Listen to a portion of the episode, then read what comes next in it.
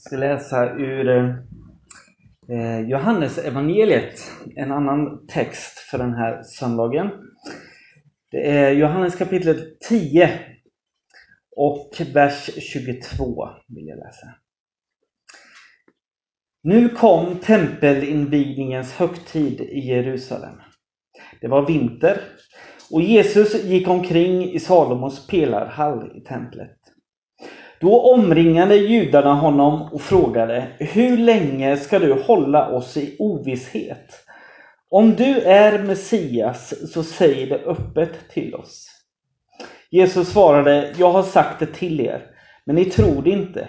Gärningarna som jag gör i min fars namn vittnar om mig. Men ni tror inte, för ni hör inte till mina får. Mina får lyssnar till min röst, och jag känner dem och de följer mig. Jag ger dem evigt liv. De ska aldrig någonsin gå förlorade och ingen ska rycka dem ur min hand. Min far som gett mig dem är större än allt och ingen kan rycka dem ur min fars hand. Jag och Fadern är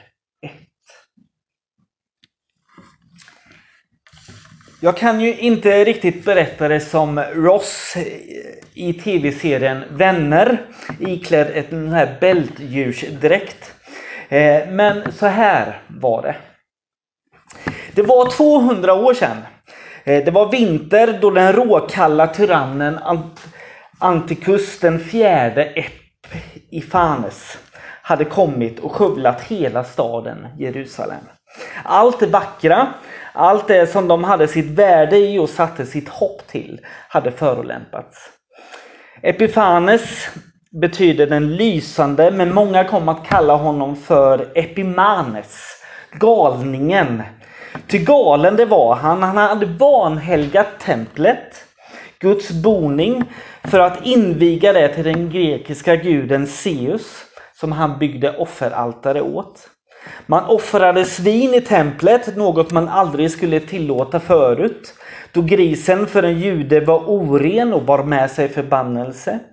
Antikus lät sig utropa sig själv till Gud och tvingade judarna att omvända sig och bli som de andra medborgarna i hans rike med dess halvgretiska hellenistiska kultur. Människor förföljdes och de tillfångatogs. Människor med en bibelrulle i handen, de dödades och barn slaktades inför mödrars ögon. Det var vinter i mångfaldig betydelse. Men så tredje vintern efter den här stora katastrofen så inleds ett förtvivlat uppror mot denna Anticus Epifanes med Judas Maccabaios och Maccabeerna då det leder till att templet det återtas. Templet det renas under högtidliga former.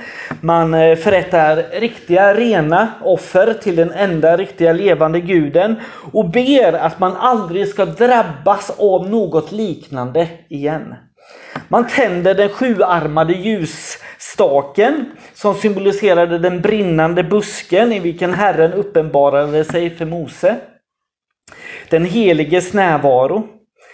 Traditionen säger att när det så var dags för återinvigningen av templet så fanns det bara olja för en dag. Och att förbereda ny olja det tog minst en vecka. Men ett under sker och den här oljan den räcker hela högtiden. Och Det här var ju den senaste stora befrielsen som judarna hade upplevt och årligen när det blev vinter i slutet av december månad så fortsatte man därför fira denna befrielse och gör det fortfarande än idag som jude. Den här tempelinvigningen, ljusets fest även kallad. Hanukka på hebreiska. Då budskapet var att det onda, det mörka, det djävulska inte ska få sista ordet. Mitt i vintern så finns där en närvaro av Gud som brinner. Och Jag tänker också på berättelsen om landet Narnia av C.S. Lewis. Ett land, ett rike att längta till. Där djuren talar, där tiden är en helt annan än för syskonen Pevensim som råkar hamna där men där den vita häxan styr över allting. Som har sett till så att det alltid är vinter i Narnia, men aldrig jul. Allt är täckt av is och snö och varelserna i Narnia lever i strid mellan varandra och många har även fryst helt då häxans ondska har spridit ut sig över landet. Men det finns hopp. Ja, något betydligt mer än hopp, säger Hebeber till de fyra barnen, Adam och Evas söner och döttrar. Den här Judas Makabaios, den här hjälten som jag pratade om. Han var inte ättling till David och Salomo, kungarna, men då han näst intill hade gjort som dem och befriat templet ifrån fienden och visat på stor hängivenhet och gudsfruktan så bildar han en dynasti som varar i hundra år. Till det att romarna utnämnde Herodes som kung, som dessutom gifte sig med en prinsessa från Judas Makabaios 1 för att bevara den här blodslinjen då. Och det här berättar jag lite för, med den anledningen för att vi ska ha med detta när vi nu idag besöker den här invigningsfesten i Jerusalem. Att det för dem som firar detta handlar inte bara kanske om Gud och befrielse utan också om kungarna som räddat dem och hur de har blivit kungar. Där nu Jesus då går omkring och pratar om att han är den goda herden. En herde som söker upp och samlar sina får, som vi hörde Asko läsa i början i texten i Jeremia. Där fåren är en bild på de människor, det utvalda folk, du och jag, som han vill samla och ha nära sig. Som han ropar på dag och natt, som han nämner vid namn, då han känner oss. Indragna i hans intresse, hans omsorg och kärlek och som personligen leder varje får, som vi hörde Joel läsa, till gröna ängar att beta och vila. Bär upp dem i sin famn om så behövs. Ge dem friskt vatten att dricka, dukade bord, ger liv åt själen så att inget fattas. Och allt det där fina som utstrålar trygghet och som vi ser framför oss som jag tror att även du som kanske inte skulle kalla dig för en van kyrkobesökare än eh, känner igen. Alltså bilden av Jesus som en god herde. Det är ju en bild som vi gillar, många utav oss. Och just därför så tänker jag att vi behöver också impregnera detta hos oss dag för dag så att det inte bara liksom blir något religiöst skimmer över eller en illusion på något sätt. Utan också att det är en verklighet för alla våra livsdagar. Vi kan vara totalt trygga i hans närhet och han är beredd att göra allt för dig. Han har till och med gett sitt eget liv för fåren. Så som en herde som många gånger eh, hade ett arbete som ställde stora krav. Det var osjälviskhet, det var hängivenhet, det var en stor kärlek till sina får. Och det var ofta så att man tog stora risker för att skydda sin jord. Och på samma sätt så skulle Jesus inte bara riskera Eh, sitt liv för dem som han älskar utan också frivilligt ge sitt liv för att vi skulle få leva. Jag tog med mig en tavla idag eh, som eh, Lisa, min fru, har gjort en gång i tiden. Som föreställer får på väg upp mot en kulle där det står ett kors. Den goda herden står liksom inte längre mitt ibland fåren med ett svagt larm på armen som vi är vana att kanske se. Utan där står nu istället ett kors där den goda herden fick ge sitt liv för fåren. Där lejonet av Juda, Aslan som han heter i Narnia, Jesus som evangelierna nämner honom vid. Som själv blev det lamm som blev offrat en gång för all vår skuld, alla våra synders skull. Som det står i Jesaja 53, vi gick alla vilse som får. Var och en gick sin egen väg. Men all vår skuld lade Herren på honom. Jag säger er sanningen, börjar Jesus med vid det här tillfället som vi läste i Johannes. Och i ett annat kapitel så säger han Jag är sanningen. Vilket säger oss att sanningen, alltså det som är rätt, är inte bara en mängd svårsmälta teorier och åsikter utan faktiskt just en person. I honom finns den levande Gudens verklighet som vi kan få ta emot och fyllas av så att det flödar över av liv. I varje dal och på varje kulle i livet så ska hans godhet följa efter mig. Det här är ord som Jesus förlikar sig med och vill ge dig idag genom hans död och hans uppståndelse. Men inte bara som en strimma hopp, en liksom ljusglimt i tillvaron, utan som herr Bäver sa, något betydligt mer än hopp.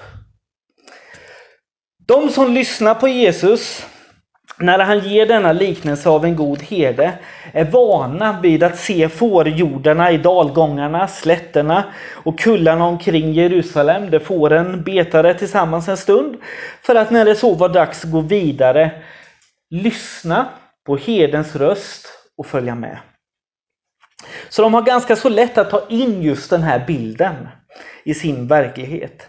Men den egentliga frågan som Jesus talar om när han kallar sig för herde var då och är faktiskt också för oss en helt annan. Det förstår vi inte minst i att efter versen där vi slutar att läsa här så tar man upp stenar i sina händer för att kasta emot Jesus och vilja döda honom.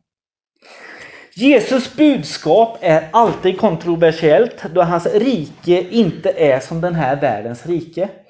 Den handlar om makt och styre. En herde var för dem eh, en bild för att hänvisa till den rättmätige konungen.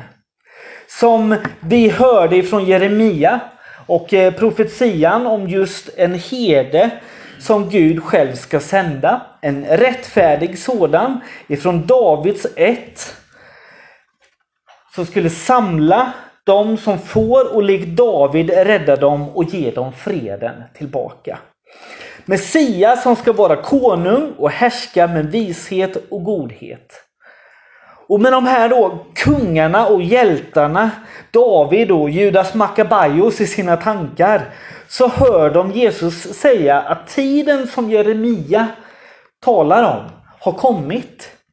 Och att Jesus är den här nya kungen som kan befria dem helt och fullt, både andligt och fysiskt och föra dem utan lag och gärning nära Gud. Alltså han var den verkliga heden. Kungen som skulle komma och få alla andra kungar att framstå som ett gäng rövare och banditer, det var Jesus. Vilket gick emot hela deras egna föreställningsvärld. Det fanns inte att den här lille mannen från bondhålan Nasaret skulle vara den utlovade slutliga uppenbarelsen av Gud och konungarnas konung. Och därav deras frågor och dess reaktioner. Så som Jesus alltid gör än idag. När vi gör honom till något mer än någon med kanske blommor i håret, lekande barn och små gulliga får i famnen. Då blir det reaktion. Och det blir härdsmälta. Men Jesus har själv sagt det, vem han är genom att han har visat på Faderns gärningar, står det. Och om de inte kan dra den rätta slutsatsen av det han gör, alltså det, att han ger den trötte och svage vila och kraft, den hungrige bete, botar den som är sjuk, förbinder den sårade och ger styrka åt den svage, så hjälper det inte att använda fler ord, säger han. De har ju sett hans gärningar, men de var tydligen alldeles för blinda för gärningarnas budskap. De har hört vad han sagt men de har inte tagit emot hans ord. Finns vi här också? Kan vi ställa frågan. Gud faderns gärningar och profeternas ord om den utlovade konungen var förenliga med Jesus gärningar och ord. Guds rike hade i honom kommit och börjat spira. Vintern, mörkrets herravälde är över och isen har börjat smälta. Alltså vår djupaste längtan är besvarad. Förlåtelse och upprättelse är tillgänglig. Ett meningsfullt liv finns inom räckhåll. Sanningen om vad som är rätt och fel blir tydlig. Egoismen kan knäckas. Ett annorlunda, ibland påfrestande, men annorlunda och ett liv med syfte. Det är utstakat. Dödens fasa är besegrad. Alltså Jesus är något betydligt mer än hopp. För att komma tillbaka till Narnia där vi var. Den vita häxans makt är försvagad och Herren eh, och her, herr bäver ger barnen detta hopp. Ja, något betydligt mer än hopp. Med en bild av lejonet Aslan, konungen i sitt inre. Narnias rättmätige konung. Herr Bäver har berättat att Aslan väntar på dem, att deras närvaro i Narnia inte är en slump, en tillfällighet som de själva tror, utan att de har ett uppdrag som de är menade för. Att med Aslans hjälp skapa fred i landet. Isen håller på att smälta. Aslan har redan förberett en armé, säger herr Bäver. Det var vinter, upplyser Johannes om för den som inte har koll på, den judiska, eh, på det judiska eh, kalenderåret och högtiderna. Där. Det var inte vinter på samma sätt som vi här i norr tänker vinter.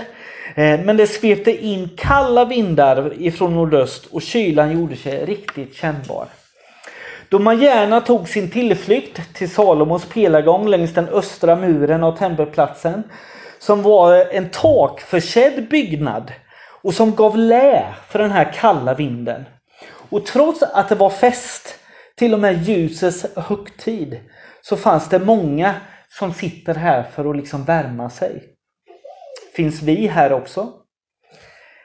Det mycket talar för att det bara skulle vara värme och glädje, glass och ballonger, kanske i våra liv, så fångas ju faktiskt vår historia ofta just i de här orden. Att det var vinter. Ett av eh, syskonen, Pevensi där, Edmund, lockas av den vita häxan av allt gott godis hon har att erbjuda. Om han följer med henne. Och inte bara det, utan även att den vita häxan då skulle göra honom till kung. Så som djävulen lockade Adam och Eva och lockar så alla deras söner och döttrar, dig och mig också till att vara. Att vara vår egen kung. Men för varje steg i den riktningen så fryser vi desto mera. Det kan finnas hur mycket gott godis att äta, men glädjen når liksom inte in. Och man känner sig kanske till och med ibland helt djupfryst. Sitter där vid vår pelargång och saknar de varma känslorna. Upptagna av vårt jag. Vet att så mycket borde vara annorlunda. Men är liksom förlamad av alla måsten. Tycker synd om sig själv. Fastnar vid att det gör ont. Fastnar vid våra misslyckanden och sår. Det jag inte får vara med om. Men som alla andra verkar uppleva på den där festen. Är besviken förstår sig inte heller på Jesus som går där liksom fram och tillbaka. Det händer att nu när jag känner de allra kallaste vindar och motgångar i livet så tycks han komma åt mitt håll. Men i andra stunder så känns det bara som att han vänder ryggen till. Varför den här ovissheten hela tiden? Men det är där som Jesus befinner sig. Fastän Jesus visste vilka som skulle samlas där den här kyliga dagen och omringa honom med sina stenar, så finner vi att Jesus går omkring där. Även om jag så skulle vandra i dödsskuggans dal. Han går omkring ibland alla de som här längtar efter att värma sig. Och det räcker att få vara i hans omfång av skydd och tröst. Guds egen närvaro, hela världens ljus brinner. Och vi är där för att Han vill använda oss på nytt. Han har redan förberett en armé och det enda han ber oss om där i hans närhet för den som vill komma vidare, det är att lyssna på hans röst. Mina får lyssna till min röst och jag känner dem och de följer mig. De som inte lyssnar och inte ser Gud i Jesus, de hör inte till hans får. Eller kanske uttryckt på ett annat sätt av det som Jesus säger, alltså bli mina får först, sen så kan ni tro. För den som hör hans röst söker aktivt efter att lära känna den. De känner igen den och de dras in i värmen och ljuset. Det är en avgörande skillnad. Det kan vara svårt för oss att förstå. Men på ängarna i Mellanöstern så är det en fråga om liv och död för ett får. Att lyssna och följa sin egen herde som vet var betet och vattenkällorna finns. Om man inte lyssnar så är man snart ett lätt byte för vilddjur och tjuvar eller att bli lämnad kvar och dö. Och det är med samma allvar som Jesus ber oss att lyssna på honom och ledas vidare. Och det är att vara kristen. Att höra Jesus och att följa honom. Det är inte bara en fråga om en livsåskådning som vi kanske har lärt oss liksom på konfan här under året. Där man räknar med att ja, men det finns nog kanske något mer sådär, något hopp. Utan det är en personlig relation allting handlar om. Till herden som först och främst visar sig i att man lyssnar till Jesus som är något betydligt mer än hopp. Att höra och följa, att lyssna och lyda, det är synonymt med varandra i Bibelns språk. Man lever med honom och handlar så som lärjungen gör i sin mästares närhet. Och ett, några tips så här då till slutet. Stäng av motorn, liksom. ditt hjärtas motor. parkera din status kan man säga. Alltså du behöver inte bli mer. Du behöver inte vara mer. Stig ur din lilla värld. Ta itu med de dåliga vanorna och frestelserna och låt Jesus få vara din största prioritet. Håll dig nära honom. När det blir krisigt och sömnlösa nätter, räkna inte får. Utan tala istället med herden själv. Och håll dig nära hans ord och hans löften. Han sänder sitt ord och det frusna smälter. Står i psalm 147. Som detta löfte som han också ger i de här orden vi läste. Jag ger dem evigt liv. De ska aldrig någonsin gå förlorade och ingen ska rycka dem ur min hand. Fårens säkerhet vilar i herdens styrka som inte låter någon ta dem ifrån honom. Allt som händer kan vi lägga i Faderns händer som är så mycket mäktigare än någon fiendes och vi kan vara helt trygga för evigt. Varför? Jo, för att Jesus och Fadern är ett, läste vi. Alltså kristen förtröstan om en framtid bortom döden. Det är bara inget önsketänkande.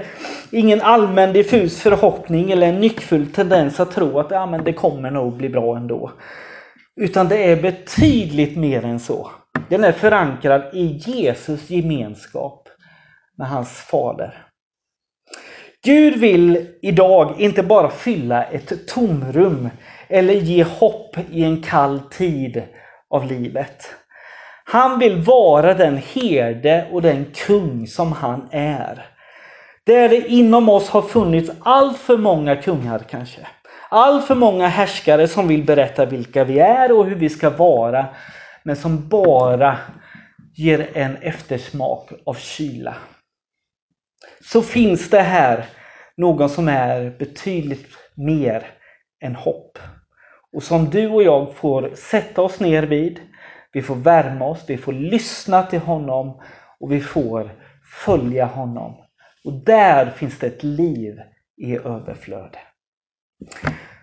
Och jag vill ge dig den inbjudan idag. Du som kanske aldrig någonsin har sagt ditt ja till Jesus. Aldrig bekänt honom som Herre i ditt liv. Som längtar efter att isen skulle få smälta. Du kan få komma till honom idag. Eh, där du sitter, du kan få komma fram till våra förebedjare som är Henrik och Elisabet idag. Och, och be dem att be för dig. För detta beslut och denna bekännelse. Att Jesus ska vara Herre i ditt liv. Och du som kanske har gjort det många gånger innan. Men som kanske känner att de här kungarna, de här andra makterna, de har börjat styra allt för mycket. Då finns det en inbjudan också till dig idag att också komma tillbaka till Jesus.